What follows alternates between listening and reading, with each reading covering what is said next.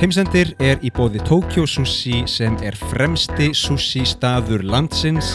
Nú er komið sumar gott fólk og þá er vinnselt að grilla. En hvað ef það er rigning? Eða gasið er búið? Eða ef fólk er þreytt og nennir einfaldlega ekki að grilla, hvað gerum við þá? Jú, þá er hægt að panta kóreiska kjúklingavængi beint frá Tokyo Sushi. 30 vængir í soja eða sterkri sósu á aðeins 2900 krónur. Það er, e, það er 95 krónur á, á vængin, eitthvað svona. Gildir frá klukkan 17.00 á förstu dögum og svo út helgina. Kórist vangja tilbóð á Tokyo Sushi.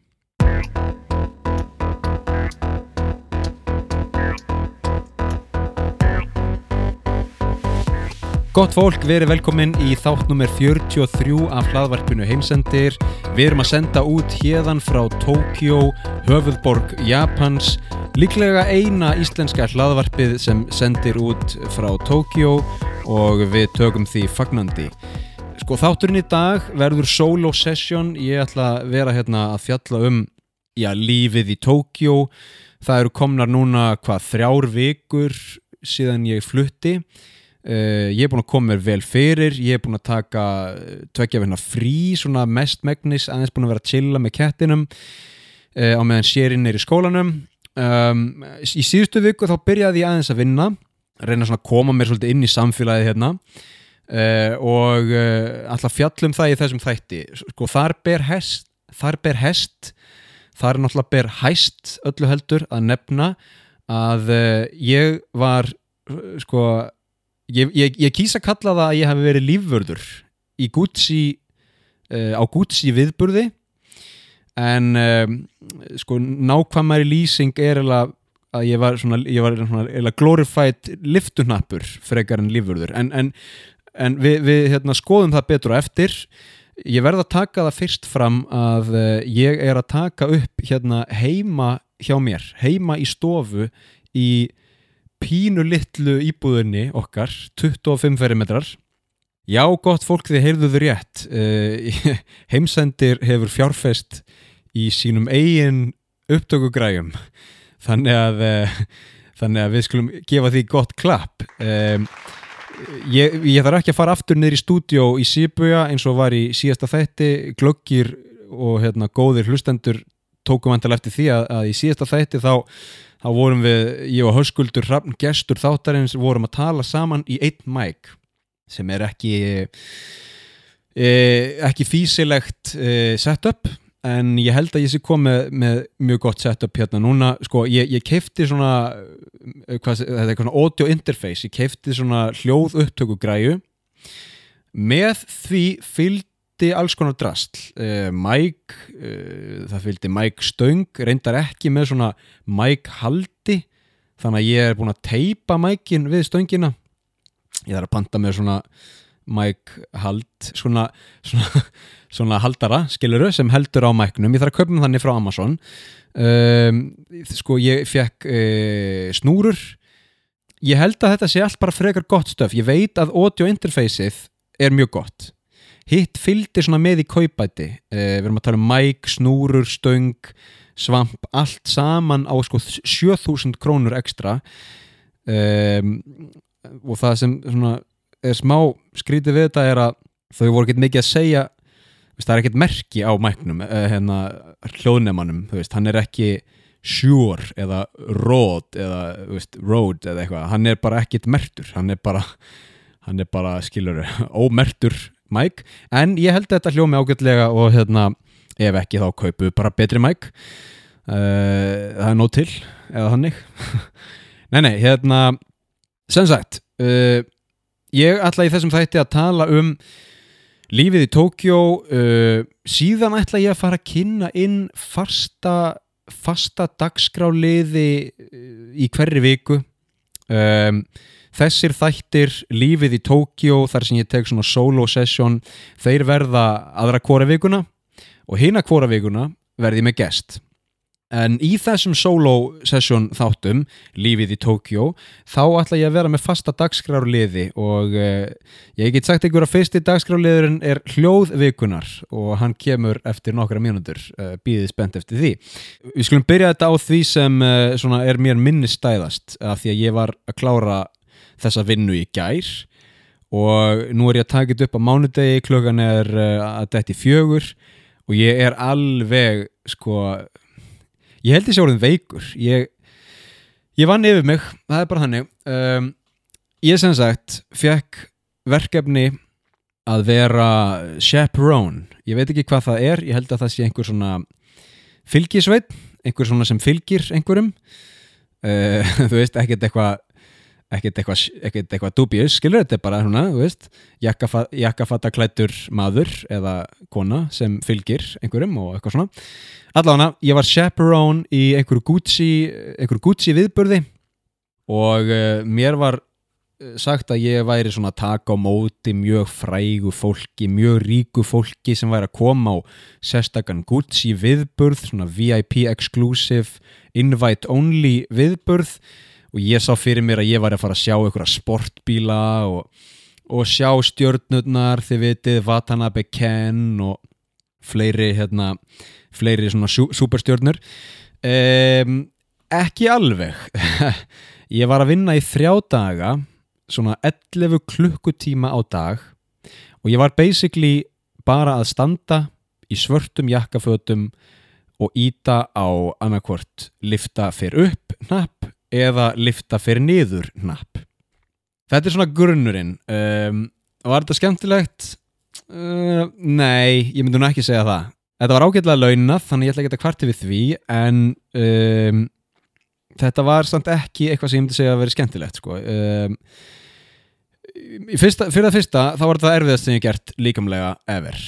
Uh, að sko standa í 11 klukkutíma í lakkskóm það er bara það er bara sko pína og kvöl, það er rosalega erfitt. Og ég er alveg hakkaður í líkamannum nú hef ég verið lengi talsmaður þess að standa meira og setja minna en þetta fór alveg út í öfgar sko, ég hérna ég er bara, þú veist, að því að mann bara einhvern veginn fer alveg í líkamannum við að standa svona mikið. Uh, ég var farin að uh, lapp lappa um, bara lappa í ringi bara eins og í teiknumyndunum, þú veist þið veitir þegar teiknumyndakarakter að lappa svona í ringi ring eftir ring eftir ring eftir ring og svo er komið sko skurður í, í gólfið. Eh, ég var basically þannig bara til að reyna að lappa svo ég yrði ekki að standa. Og þessi viðbörður hefði örgulega verið miklu skemmtilegri ef það hefði verið meira af fólki að koma. Af því að það var alveg skemmtilegt að vinna þegar gestir voru að koma. Þú veist, við erum að tala um mjög mjög ríkt japanst fólk klætt uh, Gucci fötum frá toppi til táar Gucci skór, Gucci sokkar Gucci buksur, Gucci uh, belti, Gucci peisa, bólur uh, glerugu, eirnalokkar armband, ringir hattur, veski, bara allt frá Gucci.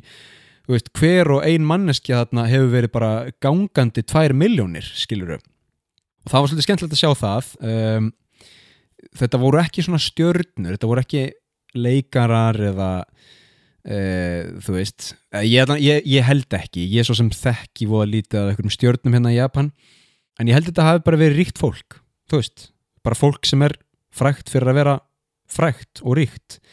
Um, en ég meina þau voru mjög næs þau voru mjög næs og hérna voru ekki með hennar stjörnustæla og ég gæti ítt á liftunnappin fyrir þau og, og hérna og eitthvað svona og það var bara fínt en eins og ég segja, það, það kom bara svo fáir.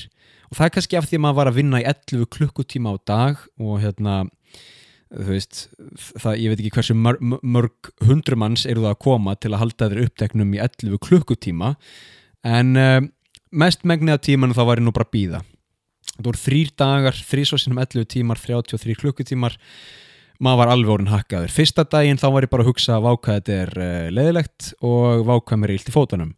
Annan daginn þá var ég orðin svona proaktiv, þá var ég farin að hérna, hugsa sko svona handritshugmyndir, já þetta verður skemmtilegt að skrifa þetta niður, þetta er góð sena hérna og hörðu ég geti gert stuttmynd um þetta og eitthvað svona.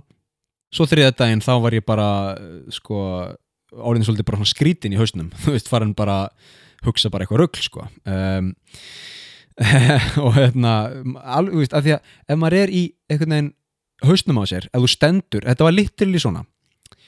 Þú mætir í svörtum jakkafötum þú færð svona svona hérna tæki í eirun skilur eins og leini þjónustanna með þannig að þú getur talað milli þetta er svona talstöð nema hún er bara í eiranu síðan stendur við liftuna og það kemur gestur og þú segir ég laði sjá mig sepp sem því er velkomin.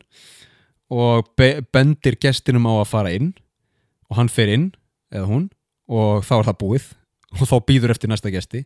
Og svo þegar gesturinn kemur tilbaka uh, og þú ert að senda viðkomandi niður með liftunni þá segir þau arigato semesta sem því takk kærlega fyrir. Og uh, fleira gerur ekki. Þess á milli ertu bara standandi klukkutímum saman fyrir utan liftu og veist, maður, þetta, er, þetta er eiginlega svona þetta er bara þetta er bara erfitt sem ég gert sko. Um, mér fannst þetta áhugavert og einhverju liti skemmtileg reynsla að því að ég hef alveg smá gaman af svona fólki sem stendur þú veist. Um, ég sé fyrir mér, mér lífverði og, og svona leinithjónustu og ég sé fyrir mér líka svona einkennisklætta verði fyrir utan konungshallir uh, gaurarnir í Breitlandi og Danmörku sem eru með svona, svona svartan skrúð nóðra á hausnum eru svolítið skemmtilegir um, svo eru hérna uh, svo eru verðirnir í, í Vatikæninu í svona litrikum gulum og rauðum gulum líka mjög uh, flottir. Og, og þú veist, og maður hugsa svona vá, þetta er rosa flott maður og mikil virðing og, og hérna það væri svolítið netta að vera svona vörður, svona standa alveg og svo kom einhverju djókerar og er svona, hérna, reyna að fá það til að hlæja en, en, en, en þetta leði sér verðir er alveg bara steinrunir og, og hérna, pokerface og allt það. Þetta er svolítið nett. Hörru, nú er ég búin að prófa þetta. Guð minn almatur, þetta er bara þetta er bara erfitt og leðilegt og hérna, ég tek ofan fyrir þessu fólki að, að geta gert þetta dag eftir dag eftir dag. Vist, auðvitað voru við að skiptast á á klukktíma fresti á klukktíma fresti þá fekk maður 30 mínútur til að setjast niður og borða og svona. En það sko er klukkutími max. Að standa í klukkutíma á sama stað það er bara algjört max. Eins og ég segi þetta var erfitt sem ég gert. Um, og ég kannski bæti við ef að fólk er í ykkur Google, YouTube stuði þá mæl ég mig að skoða sko, þrátt fyrir að ég hafi rosalega lítið álit á Vladimir Putin og, og uh, rúsneska hernum þessa dagana og mæl ég mig að skoða hérna verðina í Kreml. Uh, þegar Putin er að lappa framhjá og það eru svona verðir sem eru einkennisklættir og, og þeir svona horfa á hann, þeir svona stara á hann, á hann og fylgja fylgjónum alveg með störu og snúa haustnum svona, líka með alveg kyrr en haus, bara hausinn snýst alveg og fylgir Putin eftir. Það er svolítið skemmtilegt að sjá það um, þrátt fyrir að ég hefi lítið álit enn og aftur á, á Putin allavega Gucci viðburður uh, þetta var svakalegt uh, þetta var ótrúlega flott venue þetta var basically bara eins og bílakjallari nema þá búið að byggja sett inn í þú veist uh, ok, þetta var ekki bílakjallari þetta var bara svona vöru skemma og þá búið að byggja heilt völundarhús af Gucci verslunum Uh, eða Gucci þú veist, þetta var bara einn stór svakaleg Gucci búð þar sem var verið að selja einhverja svona hluti, sjaldgæfa hluti og annað slíkt á örgla einhverja milljónir þú veist og þú veist, það var sér mátunarklefi fyrir hvern og einn gest verið að, verið að bera fram kampavinn og, og, og veitingar og og það voru einkennisklættir Gucci starfsmenn út um allt um, og þú veist, þetta var alveg svakalegt. Þið geti kíkt á myndina á Facebook-hópunum heimsendir eða Instagraminu heimsendir niðurstrykk podcast til að sjá aðeins hvernig þetta er. Þið sjáðu samt að myndin er samsett. Ég fekk ekki að taka mynd af mér þarna þannig ég tók mynd af mér áðurinn fór í vinnuna fekk sérinn til að hérna, photoshoppa mig inn á myndina sem ég tók af venjöunu Eh, svolítið skemmtilegt, kikið á það endilega. Um, ég held að þetta sé komið gott af Gucci viðburðinum. Uh, nú ætlum við að fara hérna í dagskrálið, sko, veist, ég, ég ætla að runna þetta prógram eins og ég sé með útvarsþátt uh, í beinu útsendingu. Þannig að hérna, þið með endilega segja mér hvort þetta sé skemmtilega pæling uh, eður ei, við höldum að fara að þróa þetta í saminningu en nú ætlum við að skella okkur í, í dagskráliðin hljóðvikunar sko, uh, í Japan þá er voða skemmtilegt uh, sínist mér að vera með alls konar hljóð. Svona stef, þú veist. Sem dæmi uh, hérna í íbúðinu minni þá er bað. Og á Íslandi þá skrúar bara frá bað einu og það rennur heitt vatn í bað og svo skrúar fyrir og ekkert mál. Og þú þarft að stilla hitastígið og þú þarft að passa að skrúa fyrir réttum tíma annars byrjar að flæðum alla íbúð og svona. Hér í Tókjó er ekki heitt vatn þannig að það þarf að nota gas til að hýta upp kallt vatn uh, í bað. Ok, það er umræða út af fyrir sig, skulum ekki taka hana. Tökum hinn umræðina sem er svo að í Japan til að renna í bað þá ítur bara eitt taka og það kemur svona kvennmannsrödd sem segir já, ég, ég, ég, renn í bað fyrir þig. Og læti vita þegar það er rætti uh, síðan hérna líða svona tíu myndur og þá kemur svona stef. Þú veist, Beethoven eða Bach stef. Og þetta þýðir að það, það er búið að renna í bað. Og hittastíð er fullkomið af því að þú ert búin að ákveða hvað þú vilt hafa.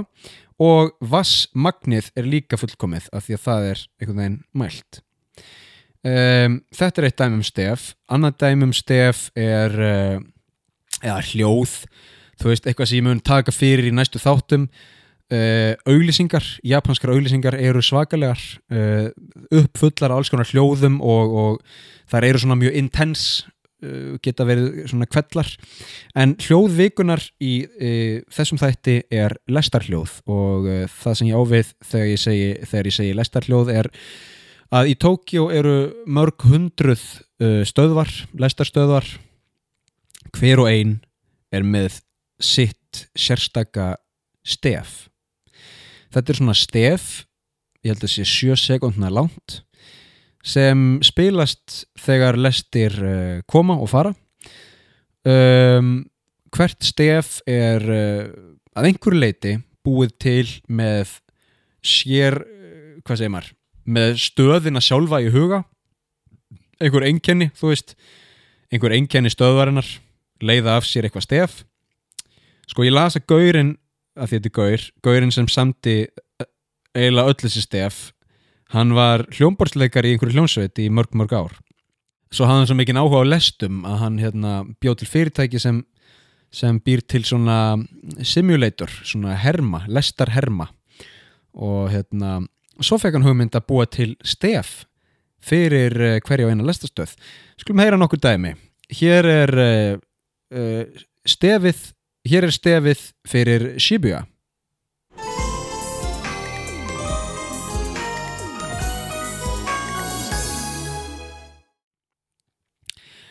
Sko, Shibuya er fyrsta, í fyrsta lagi svona uh, miðbærin minn. Uh, það tekur mig tímundur að fara neyri Shibuya og þá heyri ég þetta stef. Þannig að það er mjög kunnulegt fyrir mig. Um, þetta er svona stef sem vekur upp uh, jákvæðar tilfinningar á mér já já, nú er maður komin í miðbæinn sko Shibuya er svona hip og cool mikið á ungu fólki, það eru barir og veitingastæðir og, og þeir hefur ekki séð þetta í bíomöndunum á auðlýsingum, það er skramblið þar sem mörg hundruð uh, manns fara yfir gatnamót sem líka í, í fjóra ráttir síðan er annað hérna þetta er uh, hverfi sem ég hef ekki komið í eða lestarstöð sem ég kannast ekki við persónulega en, en heitir Monzen Nakacho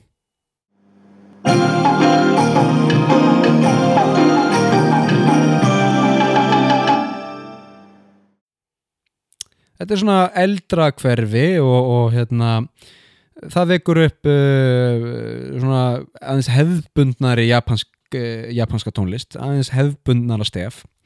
Síðan erum við með uh, Vaseda sem er uh, háskóla hverfi mikið af ungu fólki og, og svona metnar fullu ungu fólki að fara í háskóla og það hljóma svona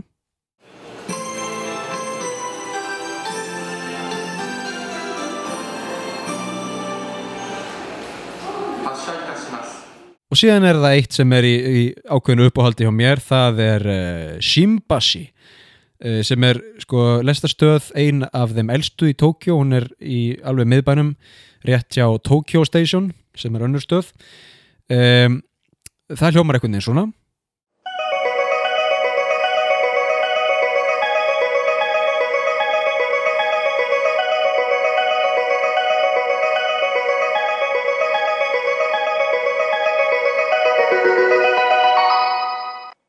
ég veit ekki alveg hvernig ég á að lýsa þessu. Sko, það fyrsta sem kemur upp í hugan minn er, er þetta er svona hvetjandi þetta er uh, þetta er ákveðin ævintýraheimur þetta er jável sko staður þar sem draumar þínir geta ræst. Það er um, stefið hjá Shimbashi en þetta var nú hljóðvikunar og um, vonandi höf, höfðu þið bara gaman af. Um, ég ætla eins og ég segi að vera áfram með eitthvað svona hljóð af því að, af því að sko þetta er bara mjög stór hluti af japanskri menningu.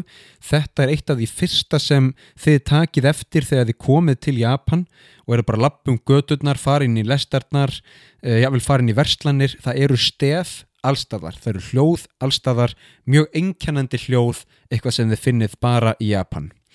Þannig að þetta var hljóðvikunar næst ætla ég að segja ykkur frá upplifun sem ég átt um daginn þar sem ég eh, var næstu í orðin eh, frægur í Japan Uh, ég sem sagt var að lappa um uh, Götur Tókjó að kaupa svört jakkafött fyrir uh, Gucci viðbörðin sem ég var að segja ykkur frá áðan.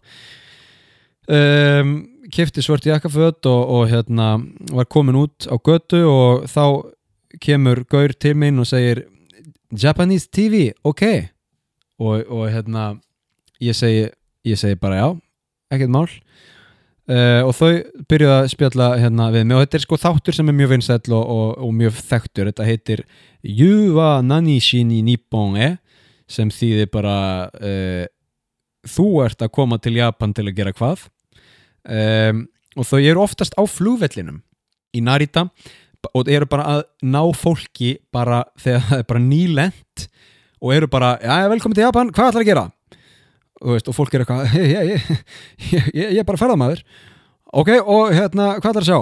Uh, ég veit ekki, bara uh, Fuji og, og hérna uh, Tokyo og eitthvað og, en ef, ef að fólkið er með áhugaverða sögu veist, já, þetta er draumur minna að hérna að keppa í sumo glímu við svona sumo glímu kappa þá segja þau hörðu, það hljóma mjög vel, getur við fengið að hérna, fylgjast með, getur við fengið að elda þig? Og dokumentera ferð þína um Japan. Og e, þá verða þessir hérna, aðilar sem sagt svona featured og fá stærri hluta í þættinum og fá ég vel borgað. Allavega þau náðu mér og fóru að taka við mig viðtal og bara hvað er þetta að gera henni hérna í Japan? Og, og ég ég svaraði þessu öllu á japansku sko og tók viðtala á japansku eftir að higgja þá hefði ég kannski ekki átt að gera það. Ég hefði ekki átt að, að tala bara ennsku og vera aðeins meira svona mysterious sko. En ég var nú bara að segja að ég kynni japansku og hefði verið einna áður og svona og svo er ég að segja að ég væri leikari og, og hérna uh, og þau eitthvað, já ok, leikari. Sko af því að í Japan þá er leikari ekki að sama leikari. Í Japan er leikari meira svona Uh, í, átt, við, eh, sko, í líkingu við uh, sjó, sjónvarpsstjörnu eða, eða jafnvel raunveruleika stjörnu um, oft kallað ædóru sem er bara ædól bara eitthvað svona, bara stjarnar skilur, ef þú ert leikari þá ert bara stjarnar uh, þannig að það skiptir ekki öllu máli hversu góður eða, eða slæmur þú ert, þú ert bara hversu, bara hversu frægur þú ert. Það er sem skiptir máli. Allavega, þeim fannst þetta áhugavert og fór að spurja mig, ok, betur hvernig er leikari Já, ég er nú bara mikið náhuga á leikhúsi og, og hérna var um þetta að lesa bók um Japans leikhús. Já, ok, og, og hérna hvernig leikhús? Já, ég, sko, leikhús sem ég fýla það er svona oft svona alltaf dark, svona sci-fi stemming, heimsenda vibes, eitthvað svona. Þau svona skildi ekki alveg hvað, þau skildi fyrst alveg ekki hvað sci-fi var, sko, eða ég veit svo sem ekki japansk orðið yfir það sem er svona dörgla bara sci-fi uh, allavega ég náði að ljúa að þeim að ég hefði verið að horfa á Akira Kurosawa frá því að ég var barn sem er sko, frægur svona japansku leikstjóri uh, gamall eða svo að já 20. aldar leikstjóri. Um, ég hef ekkert verið að horfa mikið á Kurosawa ég laug því öllu. Allavega, síðan spurðuðu mig hver er draumur þinn í Japan? Og eða svona hver, er- hver er draumur þinn að eh, sko, hvern væri draumur að hitta? Og, og þau sögðu sko að því að við getum hjálpað þér. Ef þið langar að hitta viðkomandi þá getum við látið að gerast. Og ég fór að hugsa uh, pff, ég bara þú veist, ég veit það ekki skilur, ég veit hva, hva, hvernig á ég að segja? Uh, Kishida Fumio sk- eh, se- hérna, hver, hvernig á ég að segja? Ég, Watanabe Ken kannski. Um, ég á mér engar fyrirmyndir í Japan og það er kannski bara ég að vera hérna, ekki nú áhugaverður persónuleiki en, en ég á mér ekki einhverjar japanskar fyrirmyndir allavega ekki enn sem komið er en það er ég ný og var á þessum tíma sérstaklega nýlendur til Japan. Um, ég hugsaði sko, kannski á ég bara ljú einhverju kannski á ég bara segja eitthvað. Um, en þá hugsaði ég líka að hérna, ef að þau hefðu keftað og sagt við viljum pró pródusera þetta, við viljum senda þig að hitta Watanabe Ken uh, þá hefði þurft að hérna, búa til einhvern karakter sem væri uh, ótrúlega mikill aðdáðandi Watanabe Ken og það hefði kannski verið skemmtilegt. Sjáum til, kannski hérna, reyni ég að lenda aftur í þessu og er þá með einhvern karakter tilbúin sem ég get hérna uh, svona aðeins svona fabrikerað um, einhver gaur sem á sér virkilega einhvern draum um að verða eitthvað og gera eitthvað í Japan. Uh, ekki eins og ég sem er bara svona rational og, og, og, og vil, vil, vil gera hlutina eitt skref í einu. Ég veit ekki, kannski fæ ég aftur þetta tækifæri til að vera frægur í Japan. Uh, hver veit, ka- kannski verða gaman kannski verða ekki gaman. Jú, jú, það verður líklega gaman. Allavega, þetta var áhugavert. Ég lendi í hérna Yua Nani Shini Nippon og uh, var næstu orðin frægur í Japan. Herri, tökum annað. Nú, er nú er ég basically að fara yfir punkta sko punkta sem ég punkta niður hjá mér í, í dagbókina mína svona hlutir, áhugaverðir hlutir sem ég tek eftir hérna í, í, í lífinu í Tókjó eitt sem var skemmtilegt, ég fór í klippingu í uh, Cubi, Cubi House held ég að heiti sem er svona konsept klippistofa þar sem borgar 1200 krónur og færð klippingu á 10 myndum. Flóknara er það ekki. Um, þetta virkar. Þau eru 10 myndur að klippa þig og 1200 krónur er mjög lítið fyrir klippingu. Sko ef, ef ykkur langar að gera eitthvað advanserað í, í klippi kúltúrnum þá mæli ég kannski ekki með þessu. Um, þetta er meira svona snirt í kringum eirun uh, snóða, þau geta snóðað það er eitt mál. Eitthvað svona krúkött eða þú veist, eitthvað svona basic dót þau geta gert það og það er eitt mál. Eitt mjög sniðugt. Um, þegar þau eru búin að klippa þá blása þau ekki á þeir kollin þannig að hárið fíkur út um allt og þau þurfa að ríksuga eða hérna sópa upp af gólfinu eftir hvern og eitt kuna nei nei, þau eru með ríksugu sem hangir í loftinu svona eins og bílaríksuga á, á bensinstöð uh, og þau ríksuga bara á þeir kollin og ríksuga allt hárið af þér uh, sem þau kliftu í lokin þá fyrir ekkert á gólfið og ekkert vesen. Þannig að þetta er alltaf sniðvett sko. ég fekk mér svona klippingu og, og hérna ég, ég er að sapna hárið þannig að ég let bara snirta og snirta einn svona að aftan og eitthvað svona og raka hálsin og svona. Herri, annar punktur, annar punktur hérna. Um, sko þetta finnst mér áhugavert. Japan er svona forræðishyggju land uh, virðist vera. Um, þú veist sko, komandi frá Íslandi þá, þá hugsa maður ofta að það sé bara verið að svifta því einhverju, einhverju hérna eh, einhverju sjálfstæði með því að vera með svona mik- mikil, mikla forræðishyggju sko. Það er grímuskylda allstaðar og þú ert litin hortnöga eða þú ert ekki, eða þú ert ekki í sama partí og allir aðrir að vera með grímu og svona. En uh, síðan er engin menning fyrir því að vera með hjólreðahjálma og við erum að tala um sko þú veist, götur Tókjó þær eru bæði þröngar og umferðin er mjög hröð. Hér keirir fólk hratt. Uh, gangstjættin er ekki breið og, og hérna það er bara baulandi bílaumferð bara uh, í hérna nánasta nágrinni enginn með hjólreðahjálma hvorki svona vá sæklathon uh, gýr, gýraði lið nýja bara sko foreldrar, þú veist, maður sér oft mæður með eitt barnað framann og eitt barnað aftan á hjólinu svona tvo hjólastóla eða þú veist, skilur þau hjólriðastóla Hörru, engin krakkarnir eru með hjálma en hérna, fullan fólk er ekki með hjálma. Og maður bara byrju, ég skildi ekki. Hverju eru með grímu en ekki hjálma veist, er, er skára að deyja í bílslisi en að uh, fá COVID? Skil það ekki ég skil það ekki. Allavega, ég tók eftir þessu ég ætla, sko, ef ég ætla að vera á hjóli þá ætla ég að vera með hjálm. Alveg eins og ég ætla ekki að vera með grímu þegar ég er að skokka þá ætla ég að vera með hjálm þegar ég er að hjóla. Og segi hver hvað sem er við því. Herri, annar punktur hérna.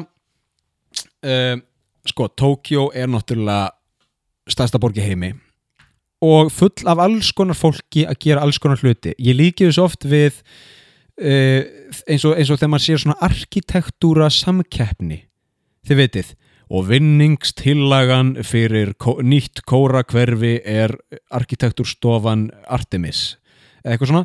Og þá sér maður svona teikningar, tölvuteikningar af einhverjum blokkum og svo er svona kannski torg í miðjunni á blokkinni og þar er fólk að gera alls konar. Sumir er í gungutúr með hundin sumir er að lesa bækur og bekk aðrir er að drekka kaffi og spjalla ja, sumir er að grilla, sumir er í hérna, badminton á græsflötinni þú veist svona, bara svona yðandi af lífi. Uh, einhver svona fullkomin heimur þar sem mjög gaman er að vera. Og sól og engin vindur. Veist, þetta sé maður aldrei á Íslandi skilur uh, kannski á eh, sólviðri stegi á austurvelli en annars ekki mikið. Tókjó er svona veist, það er allstaðar fullt af fólki að gera fullt af hlutum. Uh, og það er eins og maður sé stattur í arkitektúrteikningu ég er aðeins búin að vennist þessu. Ég er orðin betri að lappi gegnum hérna, mannfjölda og, og hérna, orðin aðeins vanarið því að rekast utan í fólk og ég tók nú lest uh, svona rush hour lest á föstudaginn og hérna í 30 gráðum í svörtum jakkafötum og svitnaði alveg eins og ég veit ekki hvað og var alveg klestur upp við fólkið og, og hérna þetta er óþægilegt en, en maður venst þessu. Um, þetta er áhugavert þetta er allt áhugavert. Annar punktur, Japan elskar plast þú veist þú ferði í uh, 10.11 sem heitir 7 sem heitir 7.11 hérna, 7-11 uh, eða, eða hérna, Family Mato sem er Family Mart eða Lawson sem er Lawson. Uh, þetta er allt svona litlar uh, verslanir sem eru notabenni opnar sko eiginlega allan sólarhingin selja nánast hvað sem er og eru uh, ódýrar með að við til dæmis 10.11 og krambúðina. Uh, allavega Japan elskar plast. Þú ferð út í svona smá búð, smá verslun þú kaupir uh, vassflösku sem er í plasti. Hörðu afgreðslu fólkið setur vassflöskuna í plastpoka og afhendir þér. Án þess, sko, óumbeðið. Og maður er bara ert að reyna að eigðilegja jörðina veist það skiptir ekki máli hvað þú kaupir. Það skiptir ekki máli hversu lítið það er, það skiptir ekki máli hversu auðvelt það skiptir ekki máli hv- hvort þú sért með tösku eða bakboka eða ekki. Hlutin eru settir í, í, í hérna, ég meina ok, stundum spurjaðu þig uh, þarftu plastboka? og flestir myndu segja já það er að segja flestir japanir af því að þau hafa mjög gaman af plasti. Ég segi bara nei af því að hérna ég vil ekki að jörðin eðilegist um, uh, svona. Allavega sko svo er líka annað ef þú ferði hérna svona stóran stóra verslun, þú veist, supermarkað og kaupir kannski segjum bara nammi segjum bara hérna súkulaði eða eitthvað þá ertu oftar en ekki með stóran plastboka sem er fullur af litlum plastbokum sem, er full, sem eru fullir af litlum skömmtum af namminu þú veist, í staðin fyrir að vera bara með 1 500 gramma nóa kropp poka þá ertu með sko kílóa poka af um, mörgum litlum 100 gramma Nóa Kropp pókum skilur það er bara plast, on á plast, on á plast. Þetta er svona inception af plasti í Japan. Þetta gerir það að verkum að eh, 70% af öllu rusli í Japan er plast þú veist, við erum að tala um allt rusl í Japan og 70% af því er plast. Uh, ég er með aðra staðin en þérna. Hinn meðal Japani notar allt að 450 plastboka og 183 plastflöskur af vatni á ári. 450 plastbokar sko á 365 dögum það er meira en einn á dag. Ég skildi ekki uh, og ég, ég skil ekki hvernig við getum hérna bjargað heiminum uh, þegar þetta er svona í Japan sem er mjög háþróað land, þú veist, mjög framalega í alls konar hlutum en þau elska plast. Herðu, næsti dagskráliður fasti dagskráliður vikunar er katakana vikunar uh, sko katakana er uh, skrifmál sem er notað yfir töku orð og erlend orð. Ég ætla að fjalla um ensk orð af því að Uh, það eru mjög mörg töku orð í japansku af ennskum uppruna. Eitt dæmi er table eða borð veit ég hvað það eru á japansku teburu.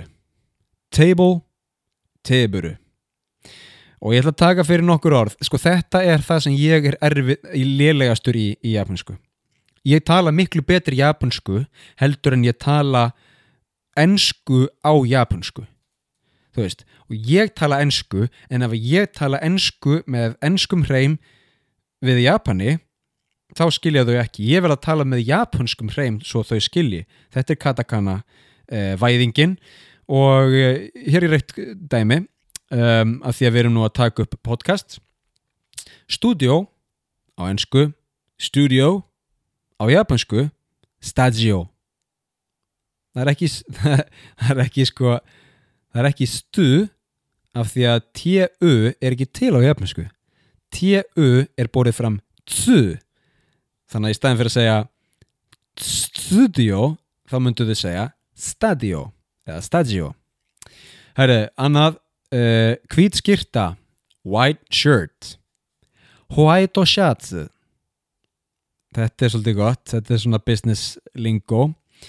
Ef þú ert með uh, svört jakkafött þá er að vera með Hoaito Shatsu um, Bjór er Bíru sem er eh, með tveimur eum þessi er svona langt e-hljóð Bíru en vitið hvað bygging er á japansku Bíru. Það er stutt e-hljóð bara eitt e þetta kemur frá því að eh, sko þetta kemur alltaf frá ennsku building sem er á japansku byrudingu og stitt í bíru. Þannig að ekki panta ykkur bíru á veitingastaf pantið ykkur bíru annars fáið þið heila byggingu.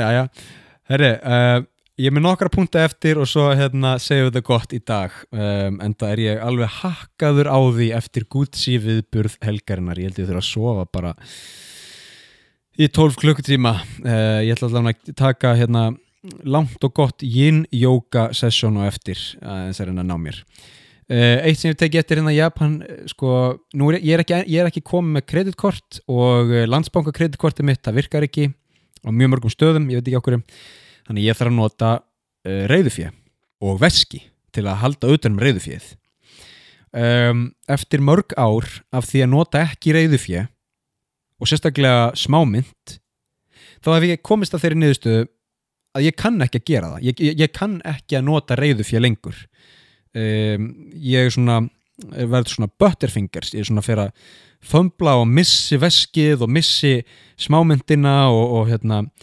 þú veist Japanir eru oft mjög góður í þessu að hérna þú fæði, þú ert að kaupa eitthvað og, og upphæðin er 6.738 krónur uh, yen. Og þau eru mjög góð í því að þú veist að hérna hvað segir maður, reikna hvað þú þarft að gera til að fá sem þægilegasta mynd tilbaka.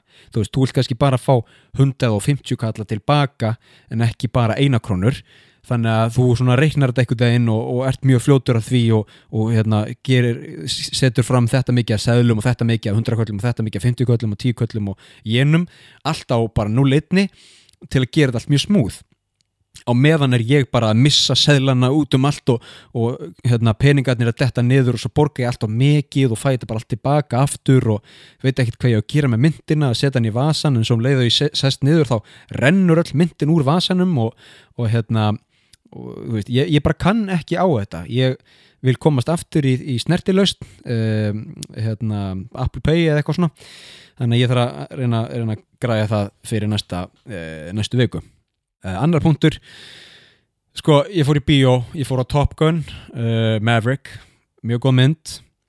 Þetta er annað skiptið sem ég fyrir bíó í Japan í þetta skiptið, eða þess að núna á síðustu vikum. Japanir eru svo kurteisir að þau sitja í sætunum gravkýr þar til allur kreditlistin er búinn. Og ef þú ætlar að vera eitthvað sniðugur og standa upp og reyna að fara út af því þú veist að það er ekki eitthvað svona marvel aukaatrið í lokin. Þú, þú, ert, ert liturli bara að horfa á hver var hérna, second driver á veist, Melbourne locationinu. Um, ef þú hefur ekki áhugað því og ætlar reyna að komast burt þá myndu eiga erft með það. Af því að það sitja allir sem fastast og þú þarf þá að, að hérna, sneika þér framhjá fólki og, og byrja því sín og eitthvað svona ef þú ætlar að vera í saman parti og allir aðrir þá möntu bara sitja og horfa á allan kreditlistan Kurteist þjóð. Hörruð, síðan er að loka punkturinn uh, sem er svolítið góður af því að hann hérna, veist, enn og eftir Japan er bara svona land ekstrema um, öfga sem væri þá orð fyrir það uh, þessi punktur er góður af því að hann snýr svolítið við því sem ég var að segja að Japanir sé mjög kurteisir. Uh, Japanir stoppa ekki fyrir gangandi vekkfærandum þetta er áhugavert. Vist, ef þú ert á götu það sem er ekki ljós heldur bara hérna, þú ert bara að horfa til begge hliða og bara fara yfir þegar það er engin bíl þá máttu alveg búist til því að Japanir sé ekki að fara að stoppa sko. þau gefa bara í. Uh, og sko shameless. Veist, það sem ég ger á Íslandi þegar fólk púlar þetta er að ég tek svona dauða störu inn í bíl sem segir allt sem segja þarf. En í Japan þá bara þeim gæti ekki verið meira sama sko. þau bara gefi, ekkert mál. Gangandi vegfærandur, þeir bara býðið uh, móturhjól og uh, bílar hafa forgangin hér. Ekki í lagana skilningi um ég held að hérna, það séu ennþá gangandi vegfærandur en þau allavega er ekki bothered uh, að stoppa fyrir mér. Hörru, þetta var hérna þetta voru all punktanir sem ég er með í dag. Sko ég vona að þið hafi gaman af þessum solo sessionum þar sem ég fjallum lífið í Tókjó uh, ég ætla að reyna að vera döglegur að henda inn líka uh, myndum og öðru dóti á Instagramið heimsendir niðurstrykk podcast uh, Facebook hópin líka podcast, nei hérna heimsendir fyrir ekki við. Um, sko ég er raun bara að reyna að, að miðla minni reynslu og minni upplifun af því að búa í Tókjó þannig að ég ætla að vera með þetta áfram til að krytta aðeins upp á þetta svo þetta sé nú ekki bara ég eitthvað að, að bladra út í heið óendanlega þá ætla ég að vera með svona fasta dagskráliði þar sem ég tek inn fleiri element. Hver veitnum að ég tek inn stutt viðtöl við Japani um, ég ætla að vera með eitthvað sem heitir fréttvikunar þar sem ég tek fyrir eitthvað japanska frétt sem, sem er einhver leiti áhugaverð eða viðegandi fyrir nútíman um, ég ætla að vera með senur, liknar senur uh, svona í anda introana sem, sem hafa verið í byrjun heimsendaþáttana um, eitthvað svona, þetta er allt í þróun en við verðum með svona fasta dagskráliði hljóðvikunar, katakannavikunar auglýsingvikunar, eitthvað svona sem hérna þið með ég býða spennt eftir og endilega hafa áhrif á. Uh, ég minna á þennu aftur að kíkja inn á uh, Facebook-hópin heimsendir og, og segja mér og láta mig vita hvernig ykkur finnst þetta hvað þið viljið vita hvað þið viljið að ég fjalli um hérna í Tókjó og síðan býðið þið spennt eftir næsta þætti þar sem góður gestur verður Þannig að þetta verður náttúrulega gestur aðra hverja vikuna, solo session um lífið í Tókjó hina hverja vikuna. Eh, vonandi hafið þið gaman af og ég byða að heilsa Íslandi, sendi kveðju hér frá Tókjó. Takk fyrir að hlusta og við heyrumst í næsta þætti.